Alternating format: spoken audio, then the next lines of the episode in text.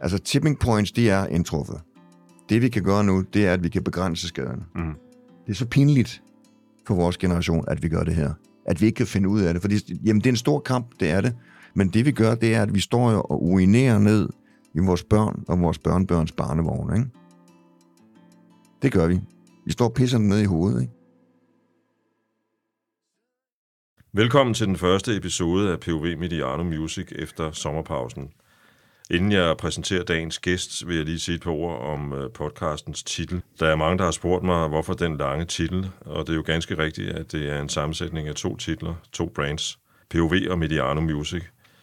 For øh, halvandet års tid siden skiltes min øh, musikpodcast Mediano Music og fodboldmediet Mediano i al fredsomlighed. Det var Medianos stifter, øh, Peter Brygman, der prikkede til mig for fire år siden og fik mig til at kaste mig over musikradio. Og tak for det, Peter, skal jeg huske at sige. Nu er Mediano Music i stedet en del af POV International, øh, hvor jeg er musik- og podcastredaktør. Og nu er jeg i gang med en øh, Oscar-takketale, så vil jeg da lige sige tak til de to chefredaktører, Anne-Grethe Rasmussen og Alexander Meiners for at tage os mig ind i folden.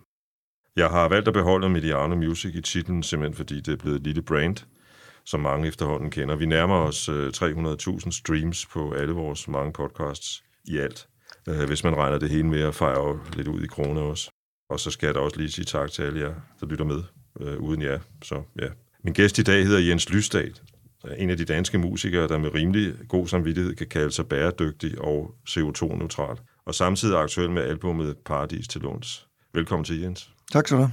Og lige vil kalde dig klimaaktivist. Uh, det er måske lige overkanten. Altså, aktivist er jo en, som går ud op og, og vælter hegn og sådan noget der, i min, i min opfattelse, men, uh, men jeg har i hvert fald kæftet op om det i, i lang tid, og har også nogle initiativer i gang og sådan, så... Uh, de initiativer, dem håber jeg, vi kommer til at snakke lidt om ja. senere. Som en del af dit arbejde, som, så lad os bruge det andet udtryk, en aktivist, det er jo, at du har simpelthen skrevet en melodi til en miljøfællesang, der er kommet med i højskolesangbogen. Mm. Og tillykke med det. Tak. Den hedder For vist vil de komme, og det er en tekst, der er skrevet af Lisbeth Smedegaard Andersen.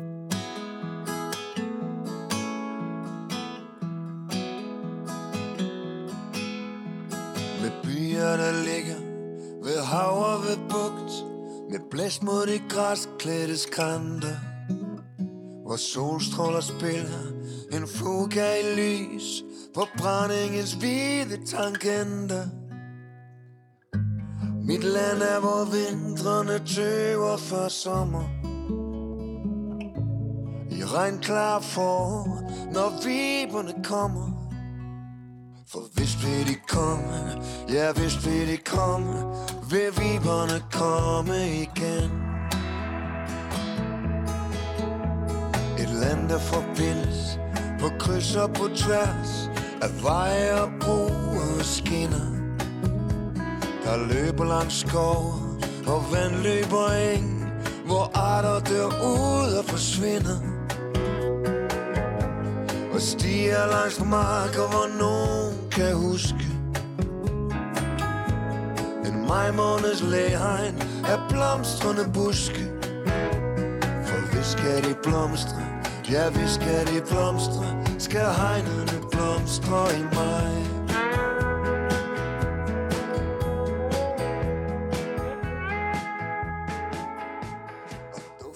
Hvordan kom det i stand? Jamen, jeg var inviteret sammen med en, en 30 andre sangskriver på Vi Højskole med det formål at skrive øh, nyt materiale til øh, den nye højskolesangbog. Og så øh, den første dag, vi var der, så øh, vil øh, højskole, sang, sang højskoleudvalget, de vil lige fortælle lidt om, hvad er en højskolesang. Det er jo, det er jo en, det er jo en fælles sangbog. Fælles, altså, det er jo kun fælles sange i princippet, der er. Altså, man skal kunne synge dem sammen, ikke?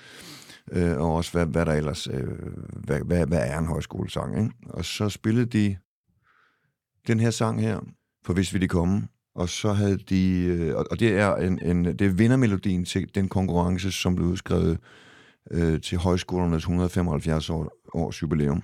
Ja, det har lige været, ja. Og, øh, og så havde de sat Ben Fabricius Bjerre til at skrive melodi til den.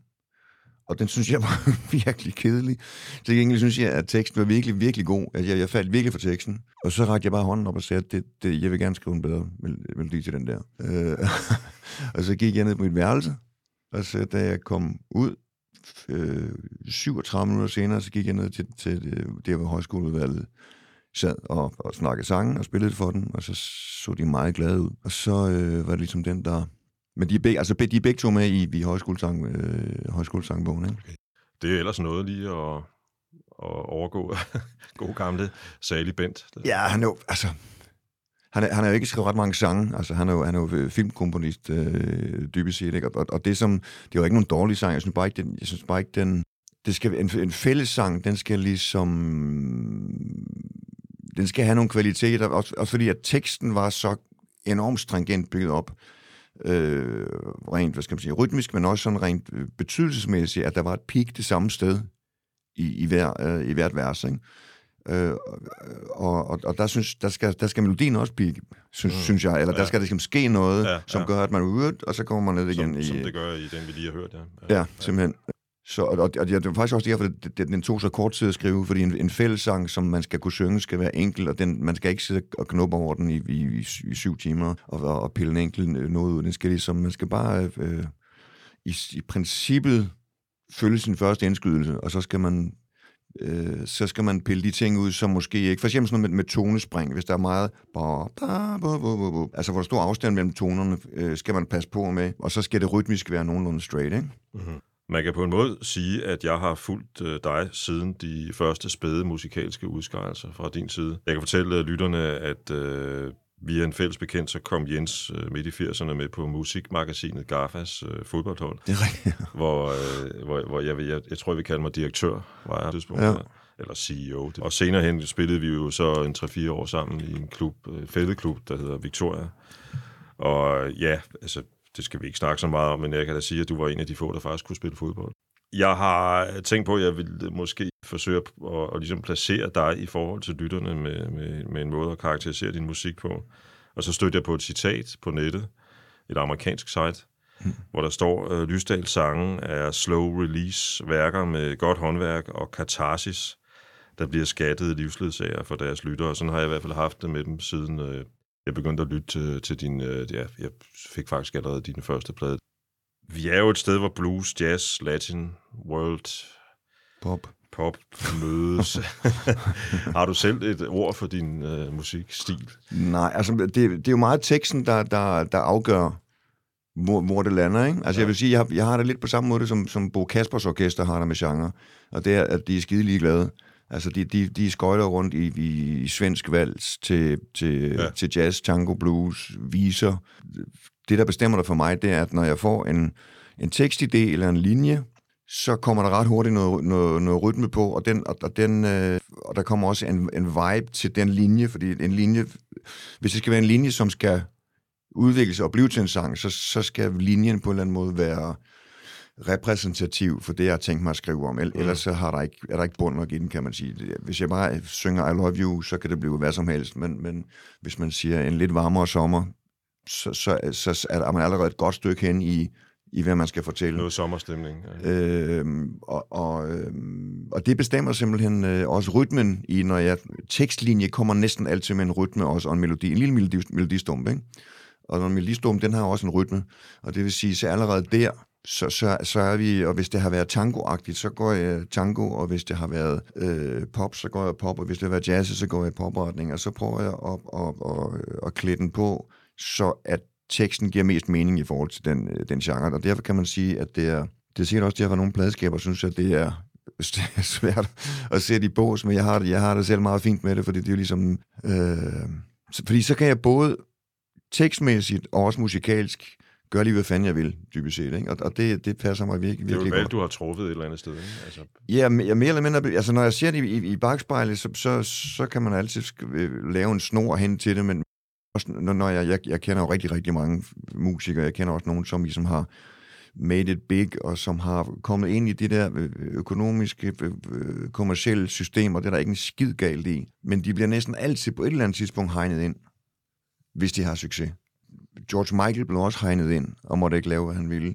Prince blev også hegnet ind, og måtte ikke lave, hvad han ville. Frank Zappa blev også hegnet ind, og, og, og, og skulle lave noget, som nogen andre ville, øh, ville, ville bestemme over. Så, så det, Det har ikke jeg noget... ikke om Zappa, må jeg indrømme. Men, øh, Hvad siger du? Det, det, det vidste jeg ikke om Zappa. Okay, men han, han, han, havde, han havde, jeg tror, han havde kontrakt på tre plader mere, og så lavede han bare tre liveplader på en uge, bare for at komme videre med det. Og han er meget produktiv, så det, det gik forholdsvis nemt. Altså, jeg har talt med flere danske, øh, nu vil jeg ikke nævne nogen navn, fordi det er ligegyldigt, men, Ja. men pop, popstjerner, Ja. og også popnavn, der er relativt aktuelle, ikke? Ja. Som, som også har føles, eller føler sig hegnet ind. Ikke? Ja, ja. Både produktionsmæssigt, men også øh, stilistisk. Ikke? Og, og det er så siger, det giver jo meget god mening, for hvis, hvis man ligesom når et punkt, hvor man, hvor man øh, beskæftiger 50 mennesker, og siger, jeg har lyst til at lave en plade øh, med free jazz, for eksempel, ikke? Så, så bliver der sagt nej, ikke? fordi der sidder 50... Jeg, jeg ved ikke, om du siger den der, øh, hvad hedder det, udsendelse med Lucas Graham. Øh, altså, den der dokumentar, Ja, ja, jo, ja. jo, den har jeg set. Ja, det, Det er skide interessant, synes Ja, jeg, på, ja. på mange måder. Men der er der også et tidspunkt, hvor han fortæller, at han, han spiller jo, og han er jo gigastor allerede der, og spiller for 70.000 Ja. mennesker. Får han så at vide, at han skal spille en sang fra en, en, en kollega, som er på samme pladeselskab, fordi han udkommer snart med et nyt, pla- et nyt album, og derfor skal han synge den her sang. Og han synes, det gider han ikke, men det skal han. Og det vil sige, at man- kan ikke, man, kan, man når aldrig i branchen at blive så, eller der, det lykkes for mig, Sting måske, Mm. øh, Pat Metheny i, i, i, i en anden genre, hvor man fuldstændig selv definerer, hvad man har gang i, ikke? men normalt. Øh, man når ikke op i et sådan niveau, at man selv bestemmer det hele. Og i virkeligheden er det sådan, at jo længere op man kommer, jo snævere bliver det, ikke? Og det er ikke fordi, at jeg ikke har ville sælge millioner af blader, men, men, men det har bare hele tiden, jeg har bare haft en lille indre bremse omkring, jamen det vigtigste for mig er sgu, det er det, der har startet hele min, min musikalske engagement, og det, som, som, øh, som, øh, som trigger mig, som er min energi, det er at lave den musik, som jeg har inde i hovedet. Ikke? Ja. Og, og det giver ikke mening for mig at, at, at lave noget, som nogle andre synes, at jeg skal lave. Altså, så vil jeg hellere vaske trapper, og, og det, det er ikke en smart bemærkning, men det vil jeg hellere, og så vil jeg lave den musik, jeg, jeg gerne vil. Mm, mm, mm. Nu har jeg, så- har jeg så gudslov kunne, kunne leve øh, af at lave min egen musik, Ja. øh, og det hedder jo selvfølgelig lave husleje og højt humør, ja. men, men, øh, men, øh, men, men jeg synes, det, det passer mig fint. Altså. Nu nævnte du en lidt varmere sommer.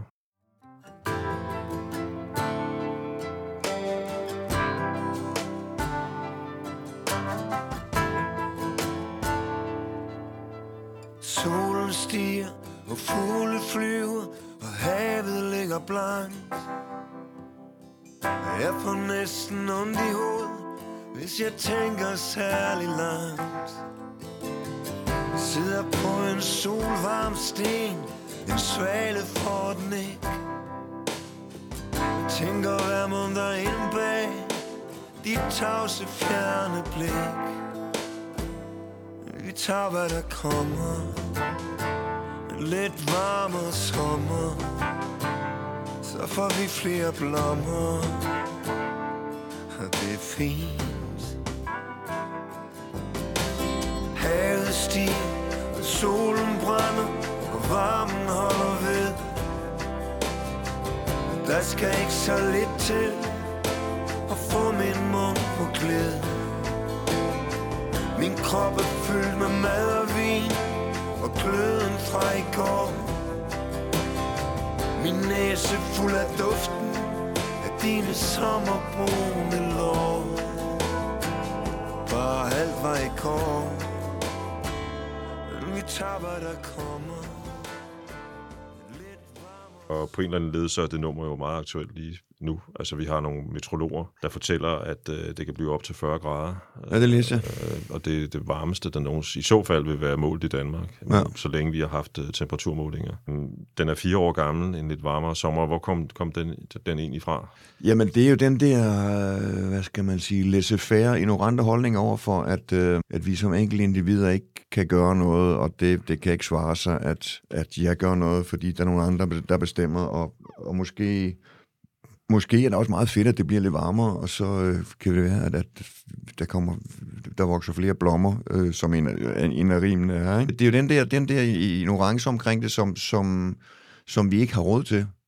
For, fordi at vi, vi, er, vi er også i, hvad skal man sige, en magtmæssig, demokratisk, øh, global situation nu, hvor der, er, hvor, hvor der er så meget magt samlet blandt så få mennesker. Øh, og det er blandt andet øh, olieselskaberne. Altså, jeg læste forleden der i Guardian, at de gennem de sidste 50 år har de tjent 23 milliarder kroner om dagen. Om dagen. om dagen, altså alle ol- olieselskaberne, ikke? Det er jo et, absurd er beløb, absurd. det er Og de svært får- at forestille sig. Og de får også støtte. Altså, de får, i USA får de, jeg ved ikke, om de, de, de, de får, øh, altså, ude i Nordsjøen har de jo betalt lavere skat, og i USA får de jo decideret støtte. Og, og, og de, de siger i, i artiklen der, at det er jo penge nok til at købe alle de politikere, der overhovedet, som man overhovedet er potentielt kan købes. Fordi det er- og i et kapitalistisk system, der kan man jo med de penge jo gøre, hvad fanden man vil, stort set. Ikke? Og de har jo lagt Ja, bevisligt lagt vejblokader ned siden 70'erne, hvor Exxon fandt ud af, at det rent faktisk var et problem. Så fandt de ud i, i en kort periode, så havde de faktisk tænkt sig at gøre noget ved det, fordi deres, øh, hvad hedder det, klimatolog, eller hvad det nu hedder, fandt ud af, at det her bliver et problem. Og så ville de faktisk, den, jeg ved ikke om de skiftede direktør, men altså i et par år, så, så var det ligesom, okay, det må vi gøre noget ved. Og så blev der bare lagt en, en vejspær ned og siger, vi siger ikke noget om det, og vi kører bare. Og ja. det har de så gjort siden, ikke? Øhm, så, så man kan sige, for at vende tilbage til det der med, om man selv kan gøre noget, jamen der er ikke andre. Altså, Nej, det er der ikke. nej det, det er en, en klassisk, øh, klassisk øh, samtale, øh, og vi kommer lidt tilbage til den lidt senere igen. Mm. Øhm, jeg kunne godt tænke mig at tale lidt om din vej ind i musikbranchen. Jeg ved, du har boet en del år i Sverige som dreng, ikke? Jo. Og i, når jeg nu kommer forbi det med Sverige, så er det fordi, jeg jo fornemmer, og vi snakkede lige om Bo Kaspers, Ja. at der måske er noget indflydelse fra svensk jazz af typen Jan Johansson og Monika Zet og den slags. Øh, måske ikke så meget... Altså jazz fandt jeg faktisk... Øh, hvis- Jan Johansson opdager faktisk, efter jeg flyttede fra Sverige. Jeg, jeg boede i Sverige indtil jeg var 10 år, ikke? Ja. Men jeg er flasket op med svensk øh, visetradition. Altså øh, Ja. Cornelis Vreeswijk øh, og Bellman, Evert Taube og det der. Det har jeg hørt til hudløshed, fordi min mor hørte det. Mm i døgndrift stort set. Ikke? Og svenskerne har jo et meget, eller havde i hvert fald et meget, meget, meget mere aktivt forhold til deres øh, musikkultur. I radio, I radio, tv, jeg ved ikke, hvordan det er nu, men i mange, mange år, også efter jeg flyttede, havde man jo altså, øh, hele timer og hele koncerter sendt øh, i, i radio og tv, ikke? Og, og det har vi jo det har vi måske haft på et eller andet tidspunkt, men, ikke, men slet, slet ikke i, i samme... Jeg, jeg kan sige, at jeg spillede... Øh, på et tidspunkt spillede jeg i, på Vestervik Festivalen øh, i Sverige sammen med Hugo Rasmussen som er Sveriges største øh, visefestival. Og det år, det var en sådan en øh, jubilæumsår. Jeg kan ikke huske, om det var Cornelis fødselsdag eller hans dødsdag, men, men alle kunstnere blev påbudt at synge to Cornelis Vreeswijk sange. Og det gjorde jeg så. Og, og gennemsnitsalderen på det publikum, der var der, det har vel været først midt i 20'erne, ikke? Til en visefestival. Og de kunne alle versene. Mm. De sang med på alle versene, ikke? Ja. Og det, det, det sker bare ikke i Danmark, og det er der en grund. altså Kim Larsen. Det er Kim Larsen, ikke? Øh, øh, men, men det er simpelthen... Øh, det er det, der er en grund til, ikke? Altså, Det første album, A Matter of Time, udkom, i, øh, som nævnt lidt tidligere, i 1996. 95. 95, undskyld. Der arbejdede du allerede der sammen med nogle fede danske musikere. Mm. Øhm, alle sangene var skrevet dig selv, bortset fra en, som er skrevet af Randy Newman. Jeg tror, det var i 93, hvor Sundance kontaktede mig og, øh, og spurgte, om jeg skulle lave en plade. Og der spillede jeg faktisk instrumental musik. Altså, det, det, hed- det, jeg spillede i et band, der hed Time Group, som også var mine ting, men hvor vi havde øh, to vokalnumre, og resten af hele resten af repertoire, det var med, blandt andet med Niels Tybo på, på øh, klaver, Lisbeth Dias på percussion, og Anders Pedersen på trommer, og Kasper Lindhardt på bas. Mm, og vi spillede en del rundt, øh, men det var ligesom, det var instrumental øh, musik, ikke? Og så sendte jeg det ene vokalnummer med, og så sagde de, skal du ikke øh, lave nogle flere sangnumre? Og der havde vi faktisk aftalt de to sidste uger før, at vi skulle i studio og indspille. Og til den, til den første uge der, så sagde jeg til dem, vi skal slet ikke... Øh, jeg har skrevet øh, et helt album med sangnumre. så Ja, ja. nu dropper vi alt det, vi har øvet. Og det, det, det synes de var lidt... Det var sådan en blanding af øh, vrisenhed, men også lidt nysgerrighed, kan jeg huske. Fordi Ja, det, hørt- det lyder som en, en øh, ikke sjældent forekommende kombination. Øh, Nej, ja, det, det er sikkert sket før, ikke? Ja. Men, men øh, da jeg så begyndte at skrive de numre der, så begyndte jeg, det gik det op for mig, det her, det, det er for life, den her blade, den kommer til at følge mig resten af mit liv. Ja. Og det vil sige, de her tekster, jeg skriver, hvor, hvor normalt, når jeg har sunget andre folks ting, så har det ligesom været, øh, man synger, fordi man skal synge et eller andet. Altså, det har bare ikke været så vigtigt. Altså, det har været mere, om, det har mere groovet og, og, og timing, om det passer godt til bandet, og om det er dansenummer og sådan noget, ikke? og det er fint nok. Eller det, man kalder røvbal, dybest set, ikke? Men, men, øh, men da jeg så begynder at skrive det, så tænkte jeg, det, det, det skal du, der må ikke være nogen linjer her, som du ikke har lyst til at synge. Og der må ikke være nogen ord her. Og, og, og, og historierne skal ligesom være det skal være noget, du, du, der ligger der på hjertet, ikke? Og, og derfor, øh, men det, altså, i forhold til nu, så gik det faktisk ret hurtigt. Jeg tror, jeg skrev numrene på tre måneder, hvilket er meget hurtigt for mig, ikke? Men jeg Øh, synes faktisk, vi skal lytte til uh, titelnummeret af Matter of Time.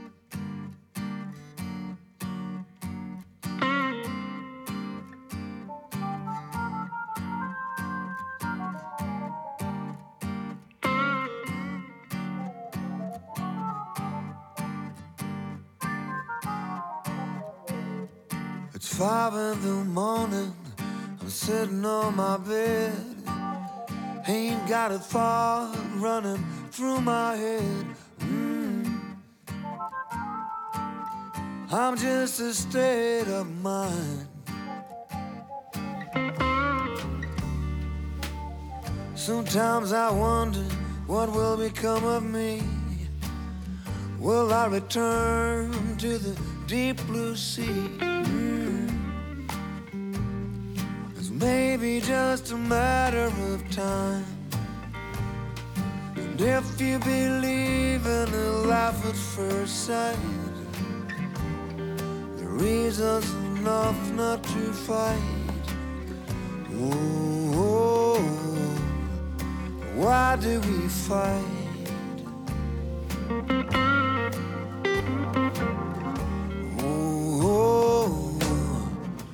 We're blocking the light.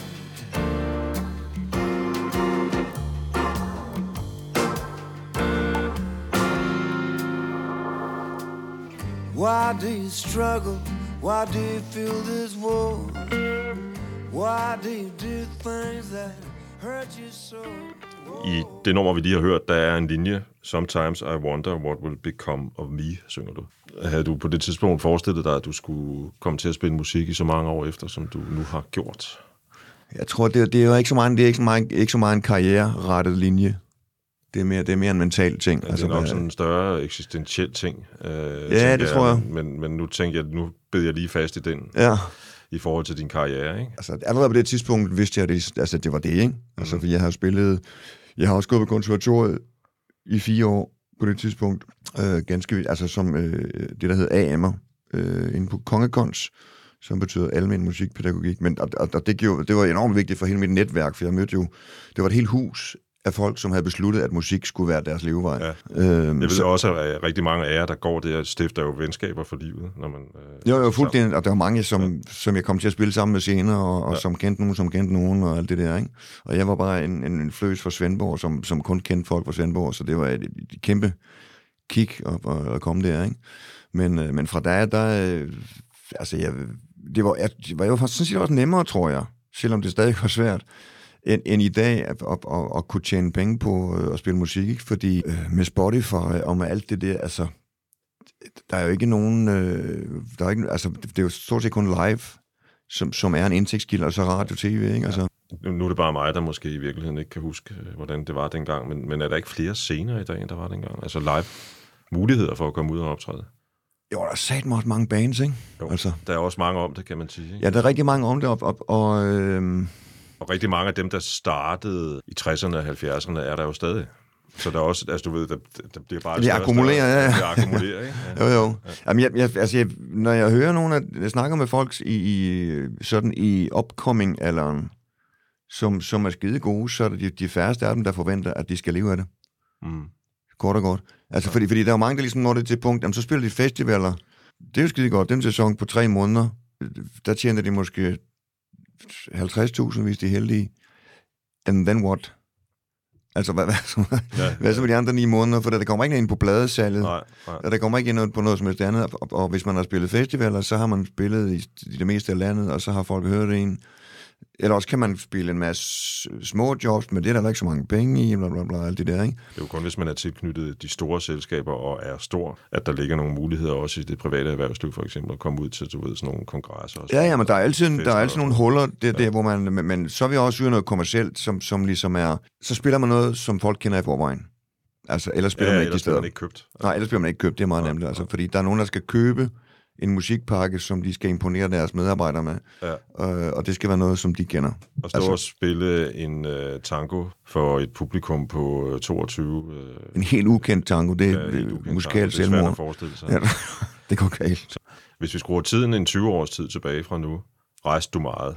Mm. Øh, på det tidspunkt indspillede du jo stadig på engelsk. Mm. Øh, hvordan, hvordan var, altså, var det dig selv, der ligesom drog ud med din guitar, eller var det sådan uh, jobs, du fik rundt omkring? Uh, Nej, altså, jeg rakte ud efter nogle forskellige nogle, nogle samarbejdspartner i, i Tyskland, og så uh, var jeg en del i, i, jeg var en del af noget, der hedder House of Songs, som er sådan et sangskriverprojekt i Austin, øh, hvor jeg var, var manager for det, som, som handler om at, øh, at sende øh, to danske komponister til Austin i 14 dage, og så co-write, altså skrive musik sammen med nogen på forhånd valgte kunstnere, og nogen, som man bare møder derovre, ikke?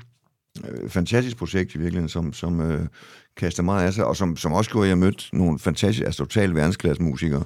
Kan du nævne nogle eksempler på øh, plader og numre, eller noget, der ligesom er kommet til øh, sammen med nogle danske kunstnere, på, på baggrund af, af det der projekt, som du var manager for der? Ja, altså helt konkret, den, den der hedder øh, I Should Have Danced. Jeg mødte øh, komponisten Ray Bonneville, som efter han efter hans første blad vandt en, en kanadisk øh, Grammy, øvrigt.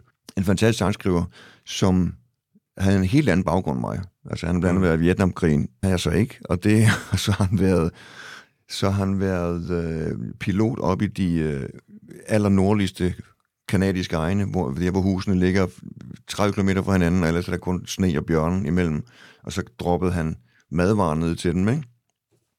Øh, og, og, og det gør jo så, at, at hans referencer, når man skriver en sang sammen, lige pludselig er noget helt andet. Og det er jo ikke fordi I Should Have Danced, det er en kærlighedssang, øh, og det er selvfølgelig et universelt øh, emne, men, men, øh, men hans veje at gå er bare nogle andre end mine, og det var... Øh... Men stadig er det, og det kan man måske, måske sige, det er jo ikke måske ikke noget, den enkelte lytter sådan måske går så meget op i, medmindre vi taler måske de helt store klassikere. Ikke? Øh, så er det jo stadigvæk for jer, der sidder og skriver sangen, en del af den bagage, I har. Altså, det er jo en del af jeres liv og historie, ja, ja, hvad I har oplevet. Ikke? Og det er jo, jo klart, at hvis man, når man så ved det, du fortæller mig nu, jamen, så kan jeg jo allerede begynde at få nogle, nogle billeder på, på, på den indre skærm om, hvad kan det være, manden mener i med I Should Have Danced, ikke? Altså, jo, jo, jo. Burde han have taget en, en, en tur mindre og være blevet hjemme hos øh, kæresten og danset med hende, eller et, hvad ved ja, jeg, et eller andet. det kan betyde mange ting. Ja, det kan betyde rigtig mange ting, ja. ikke? Vi er simpelthen nødt til at høre den sang nu, synes jeg, så den ja. kommer her.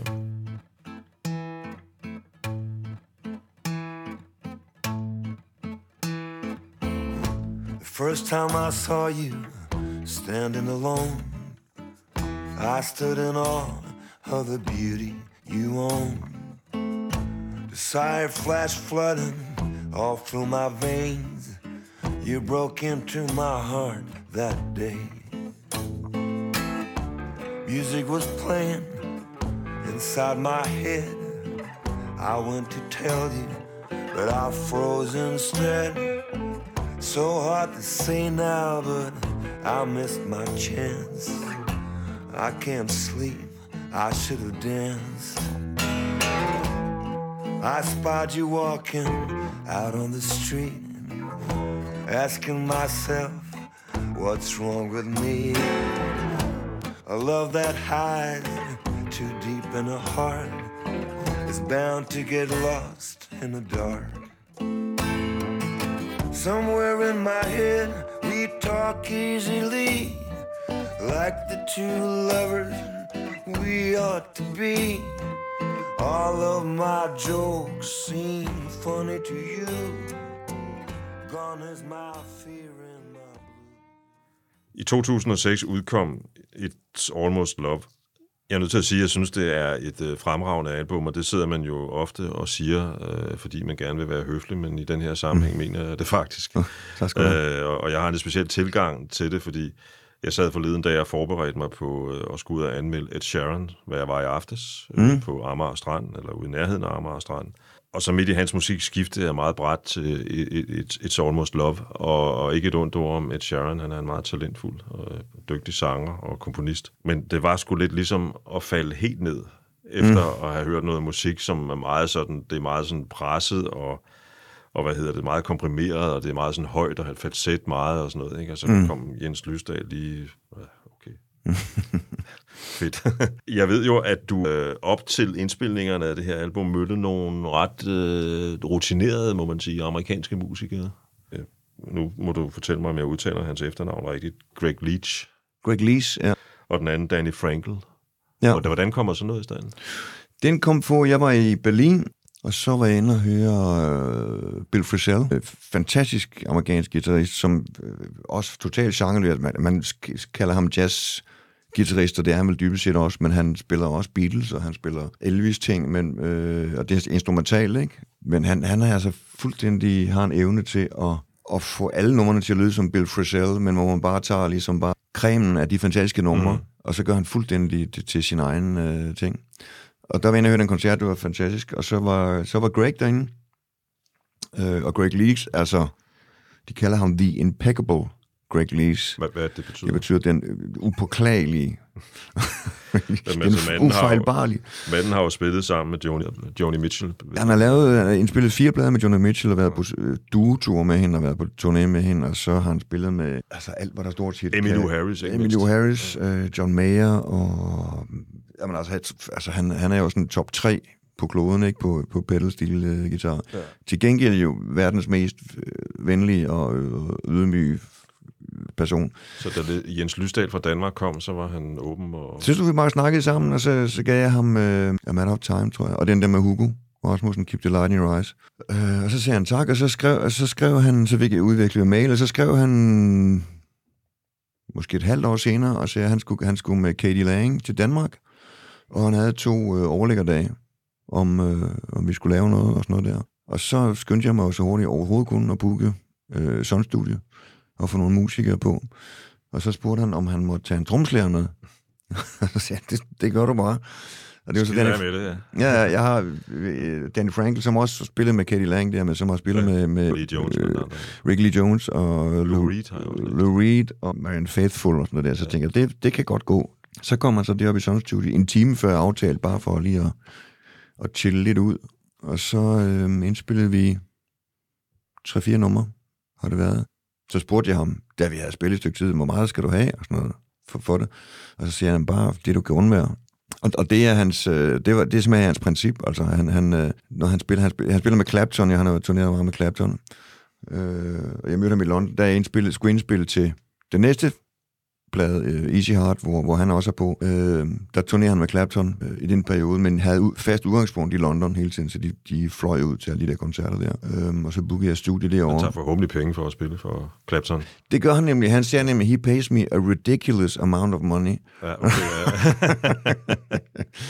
så, uh, så det gør han, og, og det, det siger han også i stand til at, at, at, at, at ligesom at at det ikke er vigtigt, at han får en million fra Jens Lysdal. Og hans princip er, at han spiller på alt det, han kan lide. Og han fortæller faktisk en meget sjov historie omkring det der med at turnere med Clapton, fordi han, at øh, som sagt, så havde de den hop i London, og så, så fløj de ud i privat fly ud til de der steder. Og, og fem minutter efter sidste ekstra nummer, så sad de i flyet, og så fløj de 500 kilometer hen til hotellet, og så sad de på hver sit værelse. Mm. Og så sagde han, det skulle da ikke sjovt. What's the fun? Altså, nej, det er jo ikke, fordi han klagede over det, men, men, øh, men når han spiller med, med, med meget mindre kendte navn, så hænger man ud, og så møder man nogle kolleger og snakker om ting. Ja, og, og, det opstår en vibe og sådan noget, ikke? Fuldstændig, og, og, og, og, og bortset fra, at han er en fantastisk musiker, øh, så, så er det jo og det er måske også derfor, han er en fantastisk musiker, og derfor han er så, så vanvittigt efterspurgt, det er, at, han, øh, at det er det, han synes er sjovt. Han synes, det er sjovt både at spille musik, men også at være sammen med de musikere og, og, og, og ligesom at indgå i en eller anden social ting, så man ikke mm. bare går ind, wham, bam, thank you, man, og skrider og, og få det så meget, mange penge ud af det som muligt. Og, og, og, og det er altså de der... Altså, og det, det, sådan har det været med alle de øh, rigtig, rigtig gode spillemænd, og der er meget forskel på spillemænd, musikere og artister. Altså, det er to forskellige folkefærd, ikke? Fordi spillemænd, de skal jo indgå i alle mulige konstellationer, spille alle mulige musik, og spille med alle mulige forskellige kolleger og sammenhænge og forhold og alt det der. Ja. Så de er ligesom meget på, jamen, hvad, hvad kan vi få ud af det her? Hvad, hvad er ligesom, hvor må en artist skal jo promovere sig og, mm. og være øh, ekstrovert og alt det der. Ikke? Så det er, ja, det er en helt anden ting. Ikke? Ja. Alex Nyborg Madsen inviterer mig til, til et interview efter det der uh, Easy Heart, og så og for, fortalte om de der musikere der, og så siger han, var du ikke skide nervøs? Og så siger han, overhovedet ikke. Fordi de sidder der, og deres eneste mål, det er at gøre det så godt som muligt.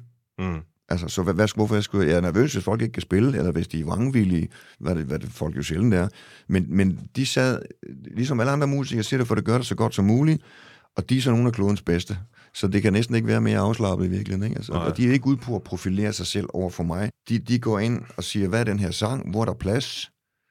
Og gode musikere, de går jo ikke ind og, og skriver musikhistorie ved at spille op og stå op og ned og væk. De finder ud af, hvad der er brug for.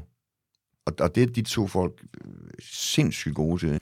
Jeg synes, vi skal lytte til An Angel or a Clown, hvor de begge to medvirker.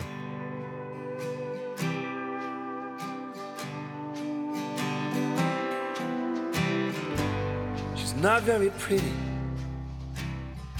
She's not very brave. But she makes you feel good. Makes you feel you're alright. Doesn't get many kisses. Man, that's for sure. Yeah, it's truly amazing that a soul so pure. If you want to bring it down, you can do it. Just a hard word, and she's done. Saw in a store. I was feeling real low. She melted the clock away. I just didn't want to go. She didn't say anything special. She didn't do anything special. Bet she didn't think anything special. But I was feeling at ease. If you want to make fun of her, you can do it. Just a wisecracking joke, and she's done. But She lives upon the mercy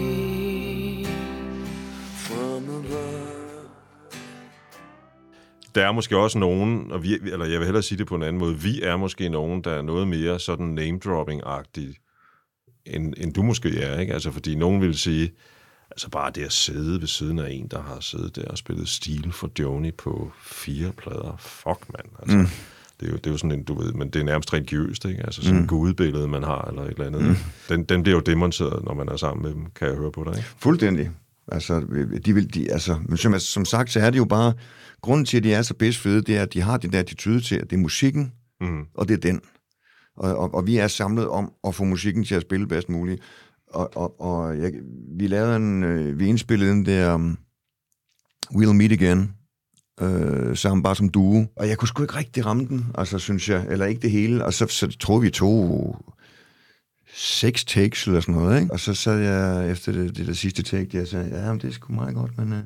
Og så sagde han bare, vi tager en til, hvis du ikke er glad. Altså, vi, I'm, I'm here for you. Ja, ja. Og, så- og så er det ligesom...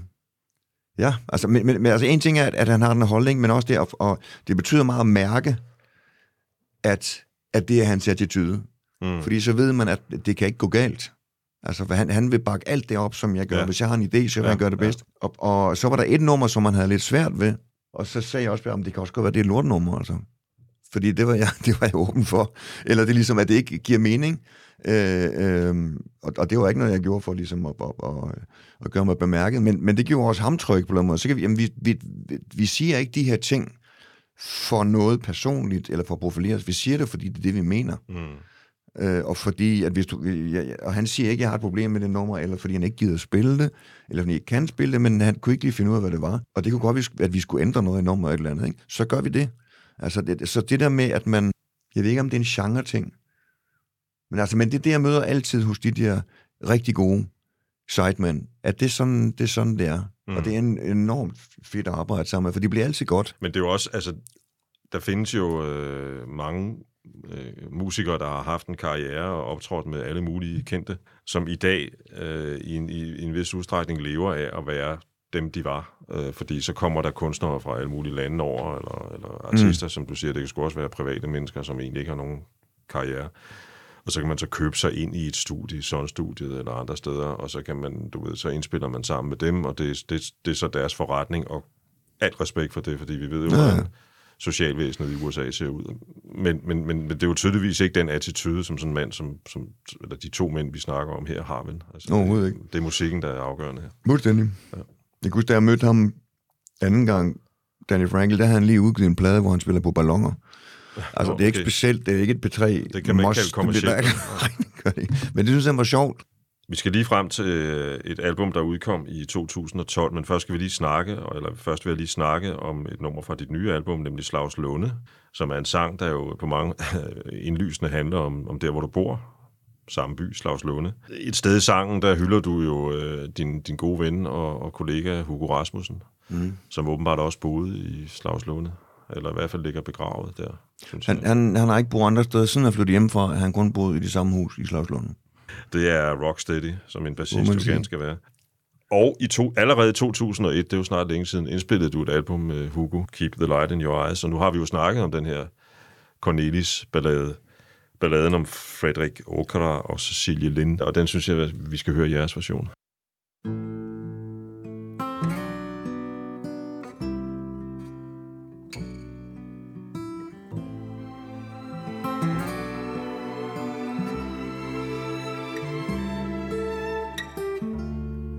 Från Öckerö loge hörs dragspel och bas.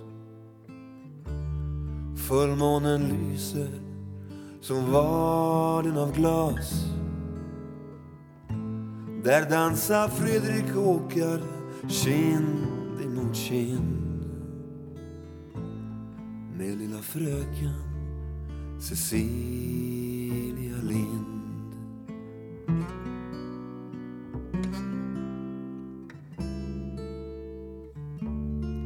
Dansar och blundar så nära intill. Hon följer i dansen precis vart han vill. Han för, hon följer lätt som en vind. Men säg varför rodnar Cecilia Lind?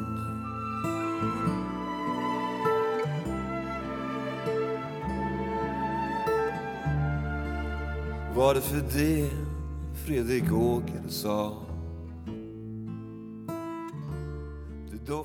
Man hører jo alt for sjældent Cornelis i sådan i, i æderen. Måske burde man lave en øh, podcast om ham i virkeligheden. Der findes jo øvrigt en, en, synes jeg i hvert fald, ganske udmærket biopic om Cornelis, som mm. kan streames rundt omkring.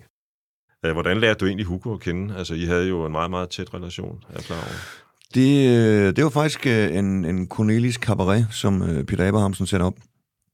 Og, og bare hyrede nogle folk ind, og så han mig Hugo ind, og så ser det klikket det fra første færd. Og så var vi rundt øh, på forskellige spilsteder. En lang række Cornelis-nummer, som, som Peter fortalte om, og noget baggrund imellem. Mm. Noget, ikke? Og det var skide sjovt. Det var en rigtig sjov tur. Måske skal du fortælle til dem, der er ikke helt oppe på, hvem Hugo Rasmussen er, hvad, hvad han egentlig stod for, for han var jo en, en helt speciel figur af dansk musik. Jamen, han var vel den... Altså, jeg tror, han er den... I hvert fald den øh, på kontrabas, ikke? Ja. Og indspillet på altså langt over 1000 plader. Han, jeg ved ikke, om han har rekorden endnu fra øh, Copenhagen Jazz Festival. Men Copenhagen Jazz Festival på det tidspunkt var i 10 dage, og han spillede 53 jobs. så det er så 5,3 per dag, ikke? Hver dag, ja. ja. Så, han, så der kan man sige, i forhold til at være efterspurgt, jo, det kan man godt sige. Og, og, øh, men det indbefatter jo også, at han, han kom til at lave det, der, øh, der hedder en Hugo, og det er, at man laver et job, men så kommer han til at lave en dobbeltbooking, Mm-hmm. og så kan man kun spille en job. Og så lavede han også tit den, jamen, når man skal spille 53 jobs på 10 dage, så, så er der nogle koncerter, som fordi man skal transportere sig fra det ene sted til det andet, ikke? hvor det lapper lidt ind over, ikke? Mm.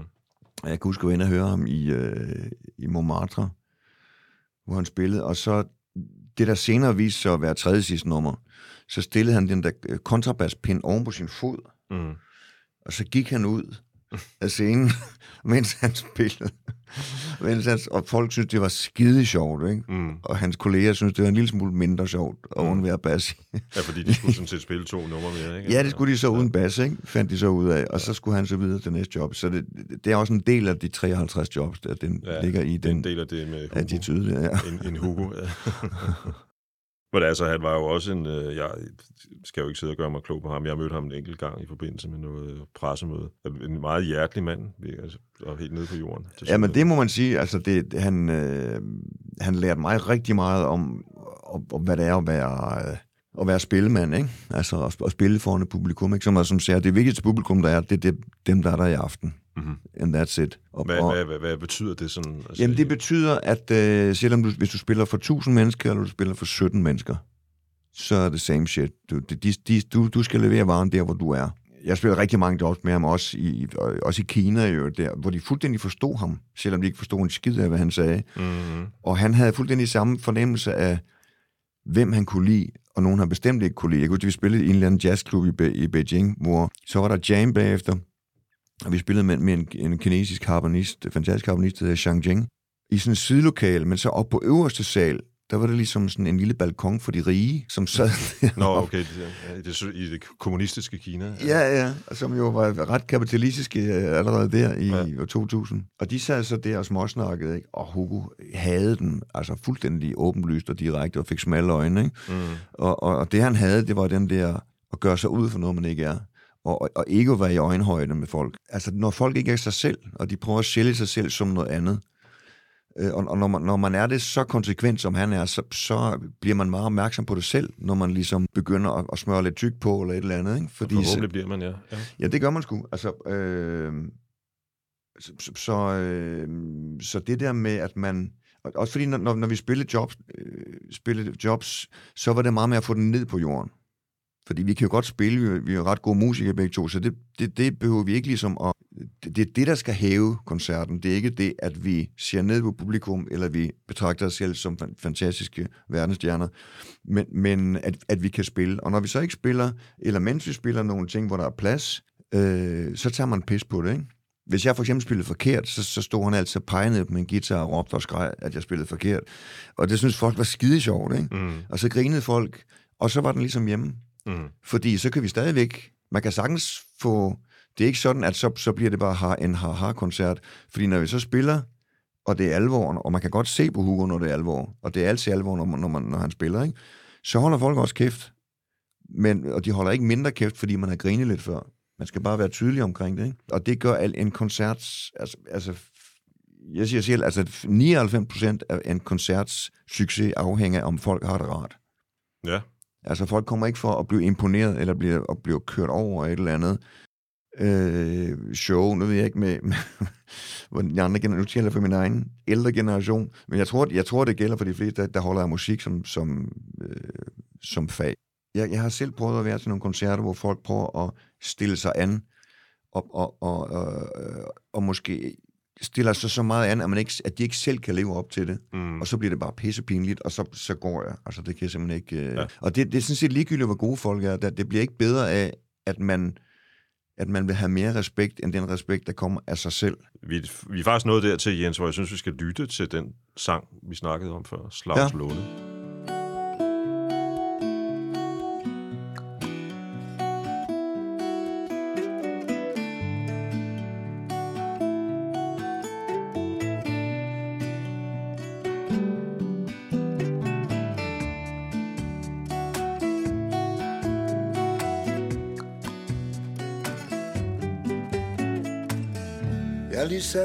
Køj op i min have. Det var måske ikke så smart, for jeg har faktisk en del, jeg skal lære. Jeg fik bare et klarsyn, da jeg så afstand mellem de to træer. Så jeg hammer ned til Jyske, købte en, jeg kunne bare ikke lade være. Og nu ligger jeg her, og kan ikke lade være. Men jeg tænker på, at jeg faktisk slet ikke burde ligge her mere. Men det er som det er. Tager jeg cyklen ud af klokkekildevej Og op ad Bursøbakken, som jeg synes er lige lovligt sej. Så jeg er stolt og glad, når jeg kommer helt til tops.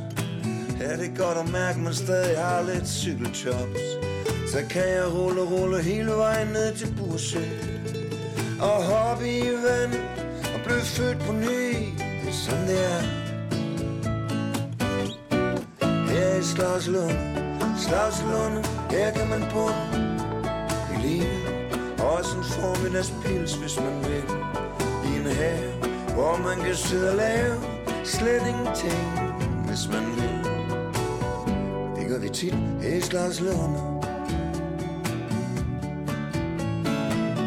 Og hjem fra søen er der også en bakke. Hvor, hvor kommer den sang fra? Jamen, den kommer så faktisk af en, en historie i Austin, øh, hvor jeg var over til det der House of Songs projekt. På bordet lå der en, sådan en, en best, øh, best of uh, American Songwriter, som er sådan et magasin, som skriver om amerikanske sangskrivere. Og så var der sådan de bedste interviews fra gennem de sidste 35 år, hvad de største sangskrivere.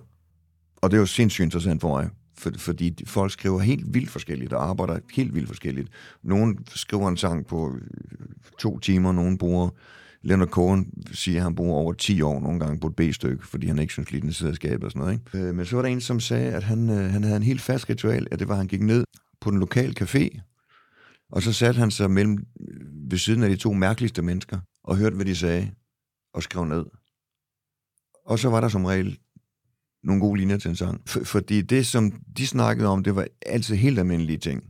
Altså konen, økonomi, kærlighed, regeringen, et eller andet. Men, men fordi øh, at de talte, fordi de kendte hinanden godt, og fordi det var et bestemt sted i USA, jeg kan ikke huske, hvor det var han, så har de en bestemt måde, og, og øh, deres, ord, deres ordvalg er, er jo øh, præget af, at de kender hinanden rigtig godt, og at de kommer fra en bestemt lokalitet.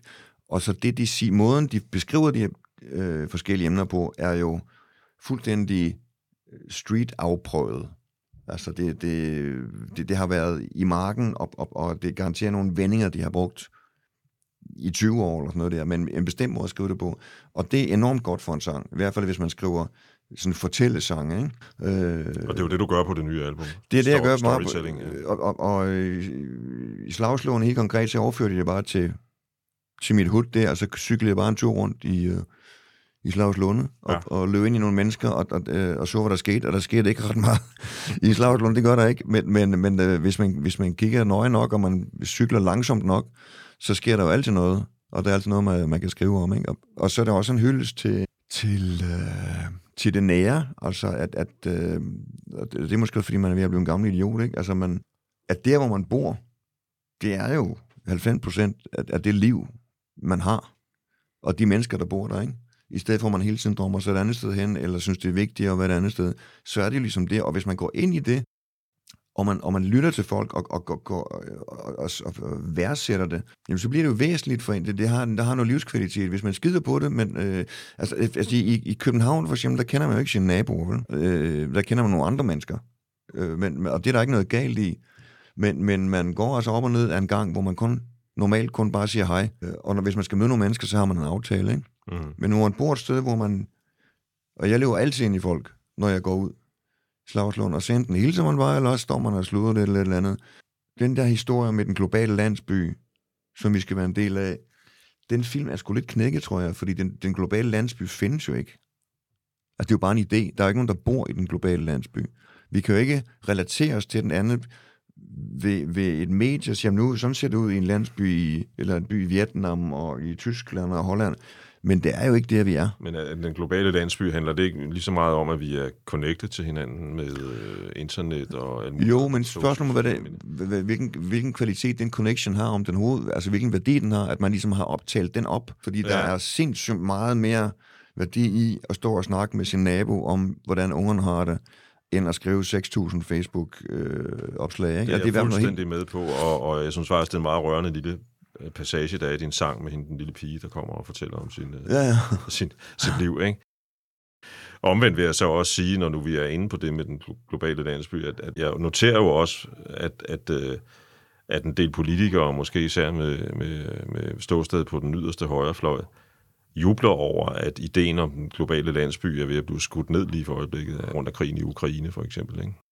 Hvad, hvad er deres bevæggrund for ligesom at sige, eller hvad, hvad er bag, Jamen, øh, vi troede jo, at vi kunne øh, handle sammen og leve sammen med russerne, og vi kunne blive en del af en større fælles enhed, ja. og vi, vi, fravalgte, vi, vi fravalgte nogle, nogle energimæssige ting og købte i stedet for gassen over hos dem, for eksempel, og sådan nogle ting. Ja. Se nu bare der, det, det, det, det kan man jo ikke alligevel. Nej. Altså, det er sådan lidt argumentet. Jeg tror, de folk, de vil vel altid finde en eller anden vej ind til at, at, at, at, at hype det nationalistiske på en anden måde.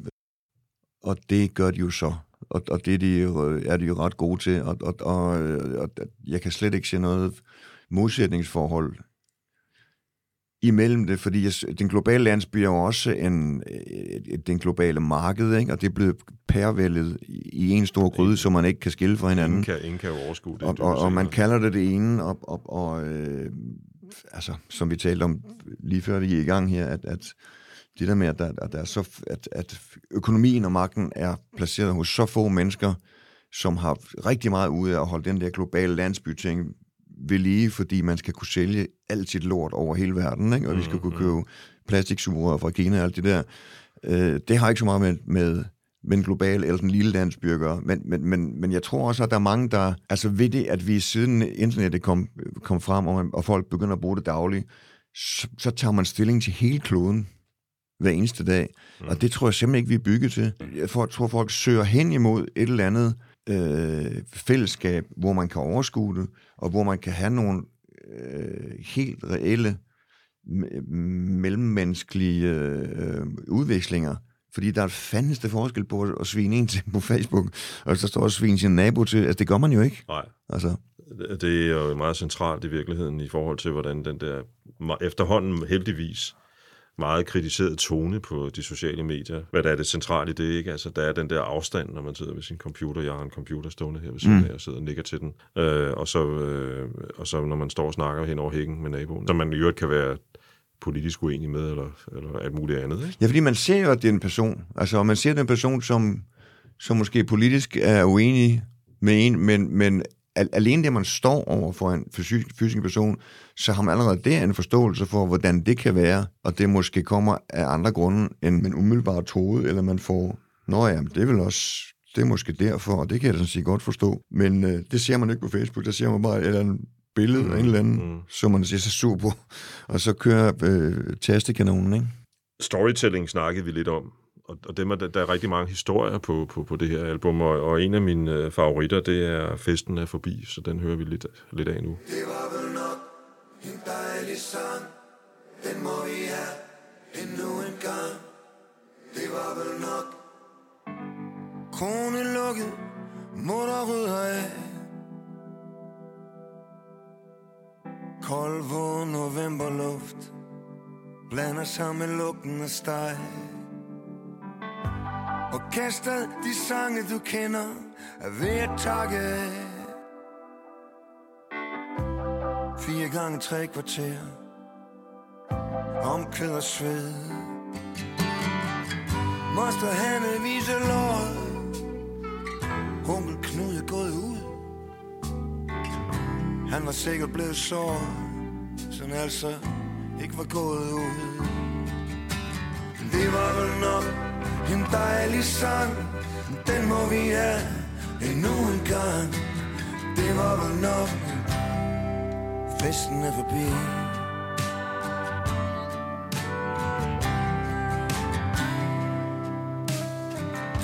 Halvfjerds opboostede gæster. Det er nogle gange sådan vi fester. Det er nogle gange sådan vi fester. På Tulebølle Kro. Der blev grinet, der blev røget Rødvin ned tøjet Det er på en gang en øh, småsatirisk sang, synes jeg, øh, og samtidig er den jo også meget sådan nær, som du selv er inde på før, og sådan melankolsk og ironisk. Og, og i øvrigt er det en af de, man kan sige, en af de tekster, øh, hvor, hvor poesien jo virkelig er i centrum, og, og, og, og en fed melodi. Hvad er det, du vil med den her sang, eller hvad er det for en historie, du vil fortælle med den her sang? Altså, den er virkelig ret konkret, jeg var, jeg var på sådan et øh, øh, skrive, selvvalgt skrive-retreat retreat på Langeland for Ja. et par år siden i Humble. Og der fik jeg lavet rigtig meget. Og så skulle jeg også holde nogle pauser, og så kørte jeg lidt rundt på øen. Og så kørte jeg forbi Lindelse Kro, hvor jeg har spillet røvballe som 14-årig. Øh, og den var lukket, og så kørte jeg forbi Tullebølle Kro, og den var også lukket. Øh, og i udkants Danmark, vandkants Danmark, der lukker tingene ret meget, specielt når man bor sådan en blindtarm som Langeland er, ikke? Og så tænkte jeg bare, hvordan, må det, hvordan må det have været den sidste aften, før det lukker på den her kro, og hvorfor lukker de? Og, og så er, er der selvfølgelig en ret åbenlyst parallel øh, til vores, øh, vores forbrugssamfund, og vi bare har kørt derud i umindelige tider, uden ligesom at tænke på, at der også er nogle regninger, der skal betales, og der er nogen, der har leveret de varer til øh, halvanden krone i timen et eller andet sted, og det ene og det andet, ikke? Jo, men vi har festet i lang tid, kan man sige. Ikke? Vi har haft en forbrugsfest, og vi har haft en menneskelig fest, og vi har haft det fantastisk. Og, og det, det, det er nok slut lige om lidt. Der sker i hvert fald noget, altså om 20 år ser verden meget anderledes ud, ikke? Og, og sandsynligvis også om 10. Ikke? Og det handler ikke kun om klima, men det handler også om klima.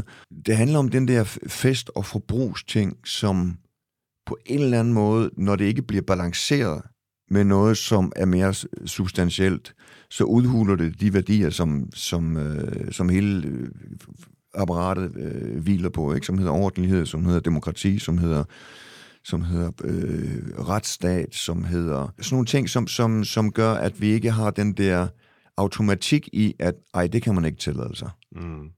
Her, her trækker jeg grænsen, ikke? Altså, og den bliver skubbet hele tiden. Der, der, der er den et, et mini, altså kan man sige, et mini-billede af den bevægelse, ikke? Nu var jeg tidligere i vores samtale her inde på det her med, at, at din musik øh, er meget sådan... Øh, altså, du, ja, du siger selv, at du, du har et udgangspunkt i vise traditioner, og så er du bygget på med alle mulige andre ting hen ad vejen. Ikke? Det er meget sådan, øh, på en eller anden måde, sådan meget lavmældt, som regel i hvert fald. Ikke? Mm. Øh, og en af de sange, som, som, som giver mig en fornemmelse af igen at synke lidt ned, skuldrene ned, det er den, der hedder Sidder ved havet. Det er meget cool, og, og øhm, og der er også noget lidt jazz i den sang. Det er også igen en, en historie om, hvad der sker i verden. Jeg tror, de fleste af mine sange har, har begge lag i virkeligheden, for ellers gider jeg ikke at skrive dem, tror jeg. For hvis, hvis, hvis, det, hvis det kun har det politiske lag, så bliver det for agiterende. Og hvis jeg kun har det personlige lag, så bliver det for navlebeskuende. Så jeg, jeg leder hele tiden efter øh, ting, som kan tale til hinanden, og hvor man kan selv placere, lytteren selv kan placere sig hvor meget man synes, det er det ene og det andet, ikke? og måske opdager man det, når man hører det syvende gang eller et eller andet. Ikke? Og det er heller ikke sådan, at jeg sidder og konstruerer, at nu skal den her linje betyde flere ting, men, men måske i grundideen i, til en sang, tænker jeg, det her, den her situation kunne godt både være personlig og, og mere over, overordnet. Ikke? Mm. Det er det, der trigger, tror jeg, med trigger, at jeg, at jeg går videre med. Det er, der, det er det, der gør, der opstår en sang, kan man også sige. Ja, det kan man også sige, ja. ja. Øhm, jeg synes lige, vi skal omkring det. Jeg kan fortælle lytteren her, jeg interviewede Jens for den fire års tid siden, det, og det var ude i Slagslunde, jo, det der hyggelige gård, du bor på. Og der snakkede vi jo om uh, dit initiativ. Du tilknyttet noget, der hedder Climate Cares, ja. som er en måde at, at være CO2-neutral på. Mm. Uh, hvordan fungerer det? Jamen, det er noget, jeg har gjort uh, i snart syv år eller sådan noget. Altså, hvor jeg bare hvad hedder, CO2-neutraliserer uh, al den transport, som jeg og mine musikere øh, udleder, når vi, når vi rejser rundt og spiller. Ikke? Så betaler man, så går man ind på en, en calculator og siger, at jeg har kørt eller fløjet så så meget, og så skal du betale det der, og så har de forskellige øh, projekter, som, som øh, arbejder den modsatte vej. Ikke? Og så har jeg også øh, i nogle år gjort det over for publikum, hvor jeg har fortalt, at det gør vi. Vi er nu CO2-neutralt band, rent uh, transportmæssigt, og så er der, der er altid nogen, der griner lidt sådan, hø, hø. Ja, det er klart. Det, ja. det er noget pushy noget, det er ikke sådan ondt, det er bare sådan, det var noget mærkeligt noget, eller det er sådan lidt pushy noget, og det synes jeg jo ikke er særlig mm. pushy i disse tider. Og så, så øh, jeg prøver at gøre det så let som muligt, altså, fordi, fordi det er ikke noget med at holde brandtaler, og, og øh, det er bare, jeg, jeg nævner det, og ideen er, at det skal sætte en lille ting i gang i hovedet på den. Ja. Og så øh, har der så været en lille skål, hvor man kan putte penge i, og så står der, hvis du har kørt 20 km, så er det 5 øre per kilometer et eller andet, og så lægger folk et eller andet. Øh, og, og, og så bliver de ligesom gjort opmærksom på, jamen, vi er jo kørt her til for at høre den her koncert. Er det så vores børn, der skal modregne den CO2, eller er det os? Mm. Og så håber jeg, at det siger der, at jeg ved godt, det er jo en helt lille Ja, ja, ja. Men det er bare en bevidsthedsmæssig ting. Men, men det, det, det, den enkelte kan jo ikke øh, forandre verden på det store globale plan, men vi kan gøre det i hverdagen. Ikke, altså. ikke en skid, men, men, men man, kan, man kan måske... Altså, man skal jo være bevidstgjort om noget, før man kan ændre det. Ikke? Man skal jo bevidstgjort om, at det er et problem. Og det er ligesom det, jeg i totale mikroskaler har gjort. Nu er problemet så lidt, at folk ikke, ikke har mønter med mere. Så, så den er lidt gået... Til det jeg har sat en mobile pay op, men der kom, folk gider det ikke. Øh, okay. Så, så, øh, så nu gør jeg det bare selv, kan man sige. Men det har haft en vis effekt øh, i, forhold til, i forhold til nogle medier, hvor der har været i Godmorgen Danmark og, og Politikken, som har skrevet om det her. Og på den måde kan man sige, når man bliver tydelig omkring det, man gør, så, så kommer det længere ud. Og derfor er det også vigtigt, at, at øh, enkeltindivider, som har en holdning til det her, at de bliver tydelige. Vi skal alle sammen blive tydelige. Det nytter ikke noget, at vi selv synes noget og, og liker. Altså, vi skal gå ud og sige, og når vi lø- møder holdninger, som, som, som ikke er forenlige med, med den måde, vi, vi skal, op, opføre os på, hvis, vi skal, hvis vores børn skal have en fremtid, så skal vi øh, sige det. De skal ud af kroppen på os, ikke? Fordi så, så mærker andre folk det. Og det er den, hvis man skal have den her snibboldseffekt, så skal man ud, og, og, og, og, og, og, sådan at folk kan forstå, jamen jeg mener det her faktisk. Mm. Det er ikke, fordi jeg synes, du er dum, men jeg mener faktisk, det her er vigtigt. Ellers, ellers så sker der ikke noget.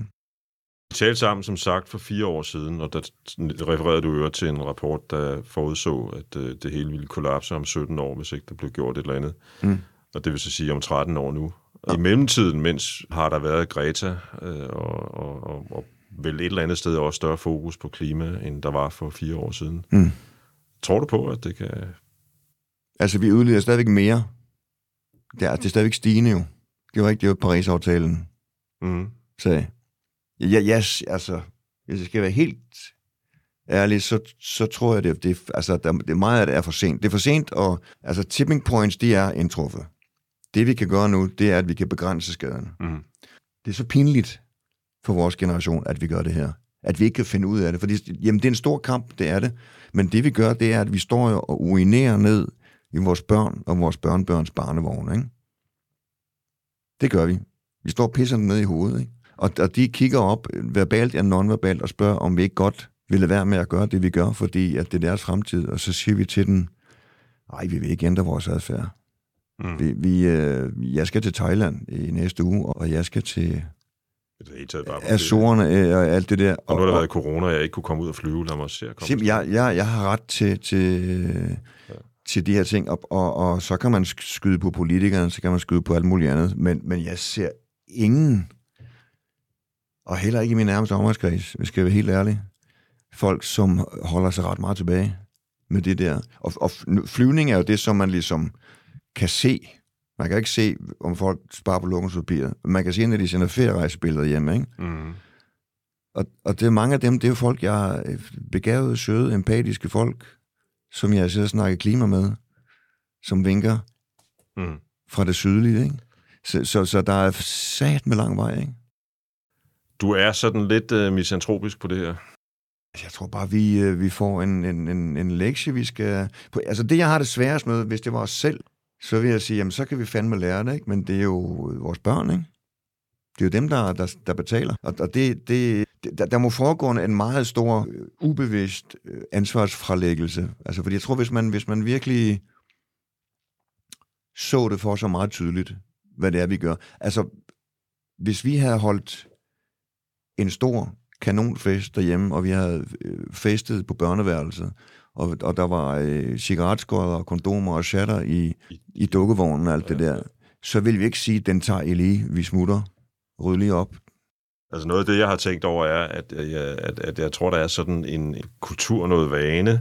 Du, du og jeg er jo lige gamle. Altså, vi mm. tilhører en generation, der kommer lige efter 68, hvor en masse ting bliver ligesom øh, sat, der bliver sat nogle spørgsmålstegn, og en masse nye energier bliver fritsat, og lige pludselig er alt muligt, indtil man så nogle år efter finder ud af, at det er de så ikke, men det tror man på et tidspunkt. Mm. Ikke? Og der er mange af os, der har den der, tror jeg, den der øh, tanke øh, eller grund. Øh, det er jo ikke engang en holdning, det er en, det er en måde, man agerer på i sig, som er, at alt er muligt. Mm. Og vi er, altså, vi, er kommet, vi, vi tilhører bare en generation, hvor man, hvor man gør ting. Altså, mm. der er sgu ikke så meget med om øh, nogle normer eller alt muligt andet. Mm.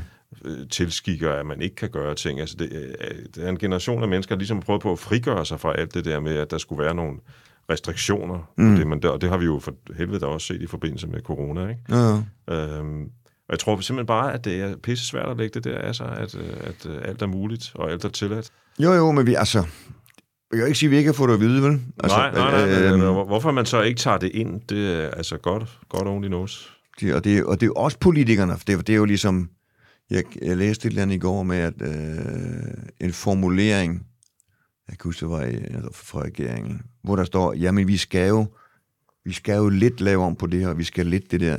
Nej, vi skal ikke lidt. Altså, hvad er det for noget pis at sige? Nej, det er altså, det, snart er vel. Sikkert, ikke? Det hedder ikke lidt, det hedder en radikal ændring. Og så kan det godt være, at vi om 30 år kan flyve elfly og alt det der. Lige nu skal vi ikke. Altså, og, og, og regeringen, mens øh, corona der, som jo var en kanon mulighed for at ændre nogle ting, fordi tingene var ændret. Mm.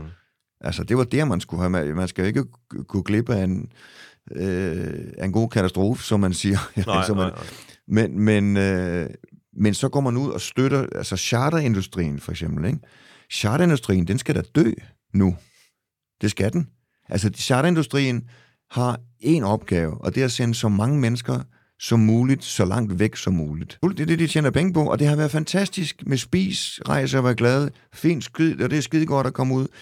Fly, det skal være øh, altså arbejde, politik, familie, slut. Mm. Vi, vi, skal ikke, vi, skal ikke, vi skal ikke rejse om på den anden side af jordkloden for at soppe rundt i 12 grader varmere vand og lukke øh, 17 tons CO2 ud. Det, det er fuldstændig langt ude. Ikke? Og, og, og når regeringen så støtter det der, så er der en vis del af befolkningen, der siger, "Jamen, så kan det ikke være så slemt. Jamen, jeg har siddet i en bestyrelse i, i, i et par år, der hedder Grønner Musik, med blandt andet uh, Leif Skov fra Roskilde Festivalen, og Michael Rito, og, og Sune Bang, og en... Øh, Rito er en legendarisk pladeselskabsmand. det er han nemlig. Øh, og en bæredygtighedsekspert, der hedder Han Halby. Mm, vi har et mål om at, at hjælpe hele den danske musikscene med, med en grøn omstilling. Og simpelthen øh, i første omgang lave et website, som bliver, optaget, som bliver opdateret hele tiden, som handler om, hvis, hvis øh, og det, det handler om spillesteder, øh, festivaler og musikere. Og det er tre, de har tre meget forskellige udfordringer i forhold til en grøn Mm. omstilling. Mm. Fordi festivaler, de bygger jo deres scene hvert år, Ja. øh, og det er noget helt andet spilsteder.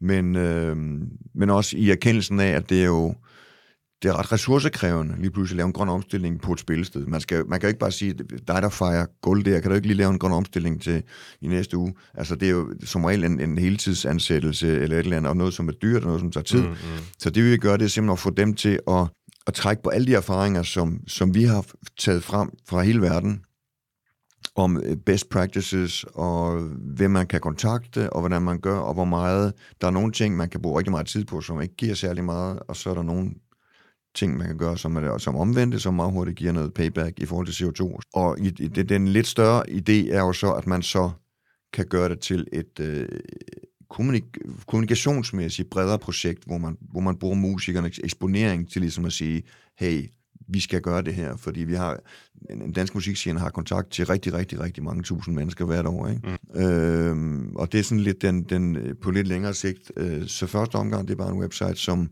hvor man kan gå ind, og, og, og, og hvis man gerne vil en lille pakke, for eksempel, så er der en lille pakke, man som musiker eller festival kan gøre, og hvis man vil en stor pakke, så er der lidt flere punkter, og så videre, og så videre. Og så kan man kontakte os og få ekspertviden direkte i forhold til, hvis man skal noget, ikke? Vi, vi launcher den her i løbet af efteråret, og vi skal bare, det er jo, udrulningen er jo vigtig, kan man sige, at det, at det skal kommunikeres på en ordentlig måde, så det bliver sendt godt afsted. Og det har også været mere kompliceret, end man, altså det er sådan med, alt, med større projekter, det, det, det, det har mere kompliceret, end vi har troet, end, end at bare gøre det, og komme frem til de ting. Der er mange ting, vi så har valgt ikke at gøre, øh, hvor, hvor man starter med en masse idéer, som man så skraber fra og siger, hvad er det, hvad er det mest, hvad er det mest centrale omkring det her? Hvad får vi mest bang for the buck, og hvordan gør vi sådan her? Ikke? Og så er det også noget med økonomi og alt det der. Ikke? Men altså, vi er kommet et, et, øh, et godt stykke, og vi glæder os til at... Nu snakker, eller vi snakkede jo lige om, om, om, om det her med, at, at øh, har vi overhovedet lært noget af pandemien. Så sidder jeg og tænker på, det er jo ikke nogen, altså det er jo ikke nogen hemmelighed af en festival, fra den allerstørste i Roskilde til de helt små, der foregår rundt omkring, er temmelig ressourcekrævende. Altså, der er rigtig meget energi, der, der Mm. skal bruges. Der er enormt meget fokus på, hvordan der bliver svinet også på specielt Roskilde Festivalen. Altså, kunne lærerne af corona i virkeligheden være bare at holde op med at holde festivaler? Ja, det er jo ikke livsvigtigt. Altså, Jamen, kultur er livsvigtigt, ikke? Men kultur kan jo komme på af, af mange veje. Altså, jeg, jeg synes, det jeg så, at, at sådan nogle begivenheder, det, det var ikke noget, der tændte mig. Altså den der, den der øh, cyberkontakt til publikum og det der. Altså man kan sagtens lave en, en, en koncert på YouTube, hvor der så er mennesker til, og det der, men, men, men kultur er en interaktionsting for mig. Altså, og det er det, det, som, som har holdt mig kørende i alle de her år, det er at komme ud og spille for folk, og det er forskellige folk, der sidder der, og man kan påvirke dem, og de kan påvirke os, der står der, og, og, og, og det, man står og siger, og det, man gør, og det, man spiller, er afhængigt af dem, der sidder dernede. Så er der rigtig mange andre ting, man kan gøre. Man kan lade være med at tage en one-nighter i, i Tokyo, for eksempel, ikke? og man kan, man kan skrue ned så meget som muligt. Og jeg ved ikke, jeg, jeg, jeg er åben for, for hvad som helst i forhold til det her, fordi jeg synes også, at vi må også gribe i egen barm og mm. sige, hvis det her virkelig er ressourcetungt, så må vi skulle retænke den her ting her. Men der er jo mange festivaler, som rent faktisk også gør det. Altså, der, der er mange festivaler i England, hvor det for eksempel er meget billigere at komme ind, hvis du kommer cyklen eller kører med tog. Okay. Og der er nogen, som stort set ikke har nogen parkeringspladser. Så er der så, øh, så, så er der cykelreparationer, cykelbar, cykelcafé, for ligesom hele tiden at, at, at, at hype det, at det, jamen, I skal ikke komme kørende i hver sin bil hertil, fordi det er ikke en del af, af den her vibe her. Øh, og Northside, de kørte jo vegetarisk mad mm. i år, ikke? Og det synes jeg er skide godt. Altså, og, og, og det kan godt være, at det her noget... Det er sikkert en, en kommersiel tænkning også, som har sagt, at vi ender der, så vil vi gerne være på forkant. Det fik også meget, meget skidt i hovedet for det, øh, kunne jeg se på Facebook. Det var mig, der synes, det var dybt åndssvagt. Men så bliver den, mm. så bliver den kommunikation tydelig. Fordi så er nogen, der siger, ja, men jeg kan sgu godt spise en, en vegetarburger i tre dage, hvis det er det og andre, de vil, så vil de smule burger ind, og så kommer den, den diskussion, men, men på et substantielt grundlag, fordi der er en festival, som faktisk har valgt, at det er vegetarfestival. Ikke? Det nye album, Paradis til låns, titlen alene siger jo også noget om det, vi sidder og snakker om her, mm. øh, udkommer i slutningen af september. Kan man komme ud og høre dig spille her? Det kan man, vi spiller i øh, Holbæk den 8. september. Ja. Og det er første job øh, på en efterårstur rotationen i Holbæk 8. september. Yes. Det bliver godt. Tusind tak, fordi du kiggede forbi, vil jeg sige. Det var så lidt. Det var fornøjeligt. Og vi slutter af med øh, Sidder ved havet, som vi nævnte før.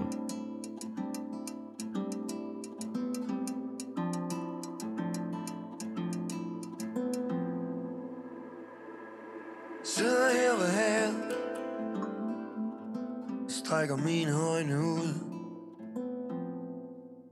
skal ikke have noget lavet Skal ikke snakke med nogen Gud. Jeg kigger op i luften. Der er en stjerne Der er et fly. En ufattelig gammel. Den anden næsten ny. Jeg hører vandet skvulpe Der er en mål der er en dunk. Vi trækker vejret dybt. Ah, de siger det er sundt.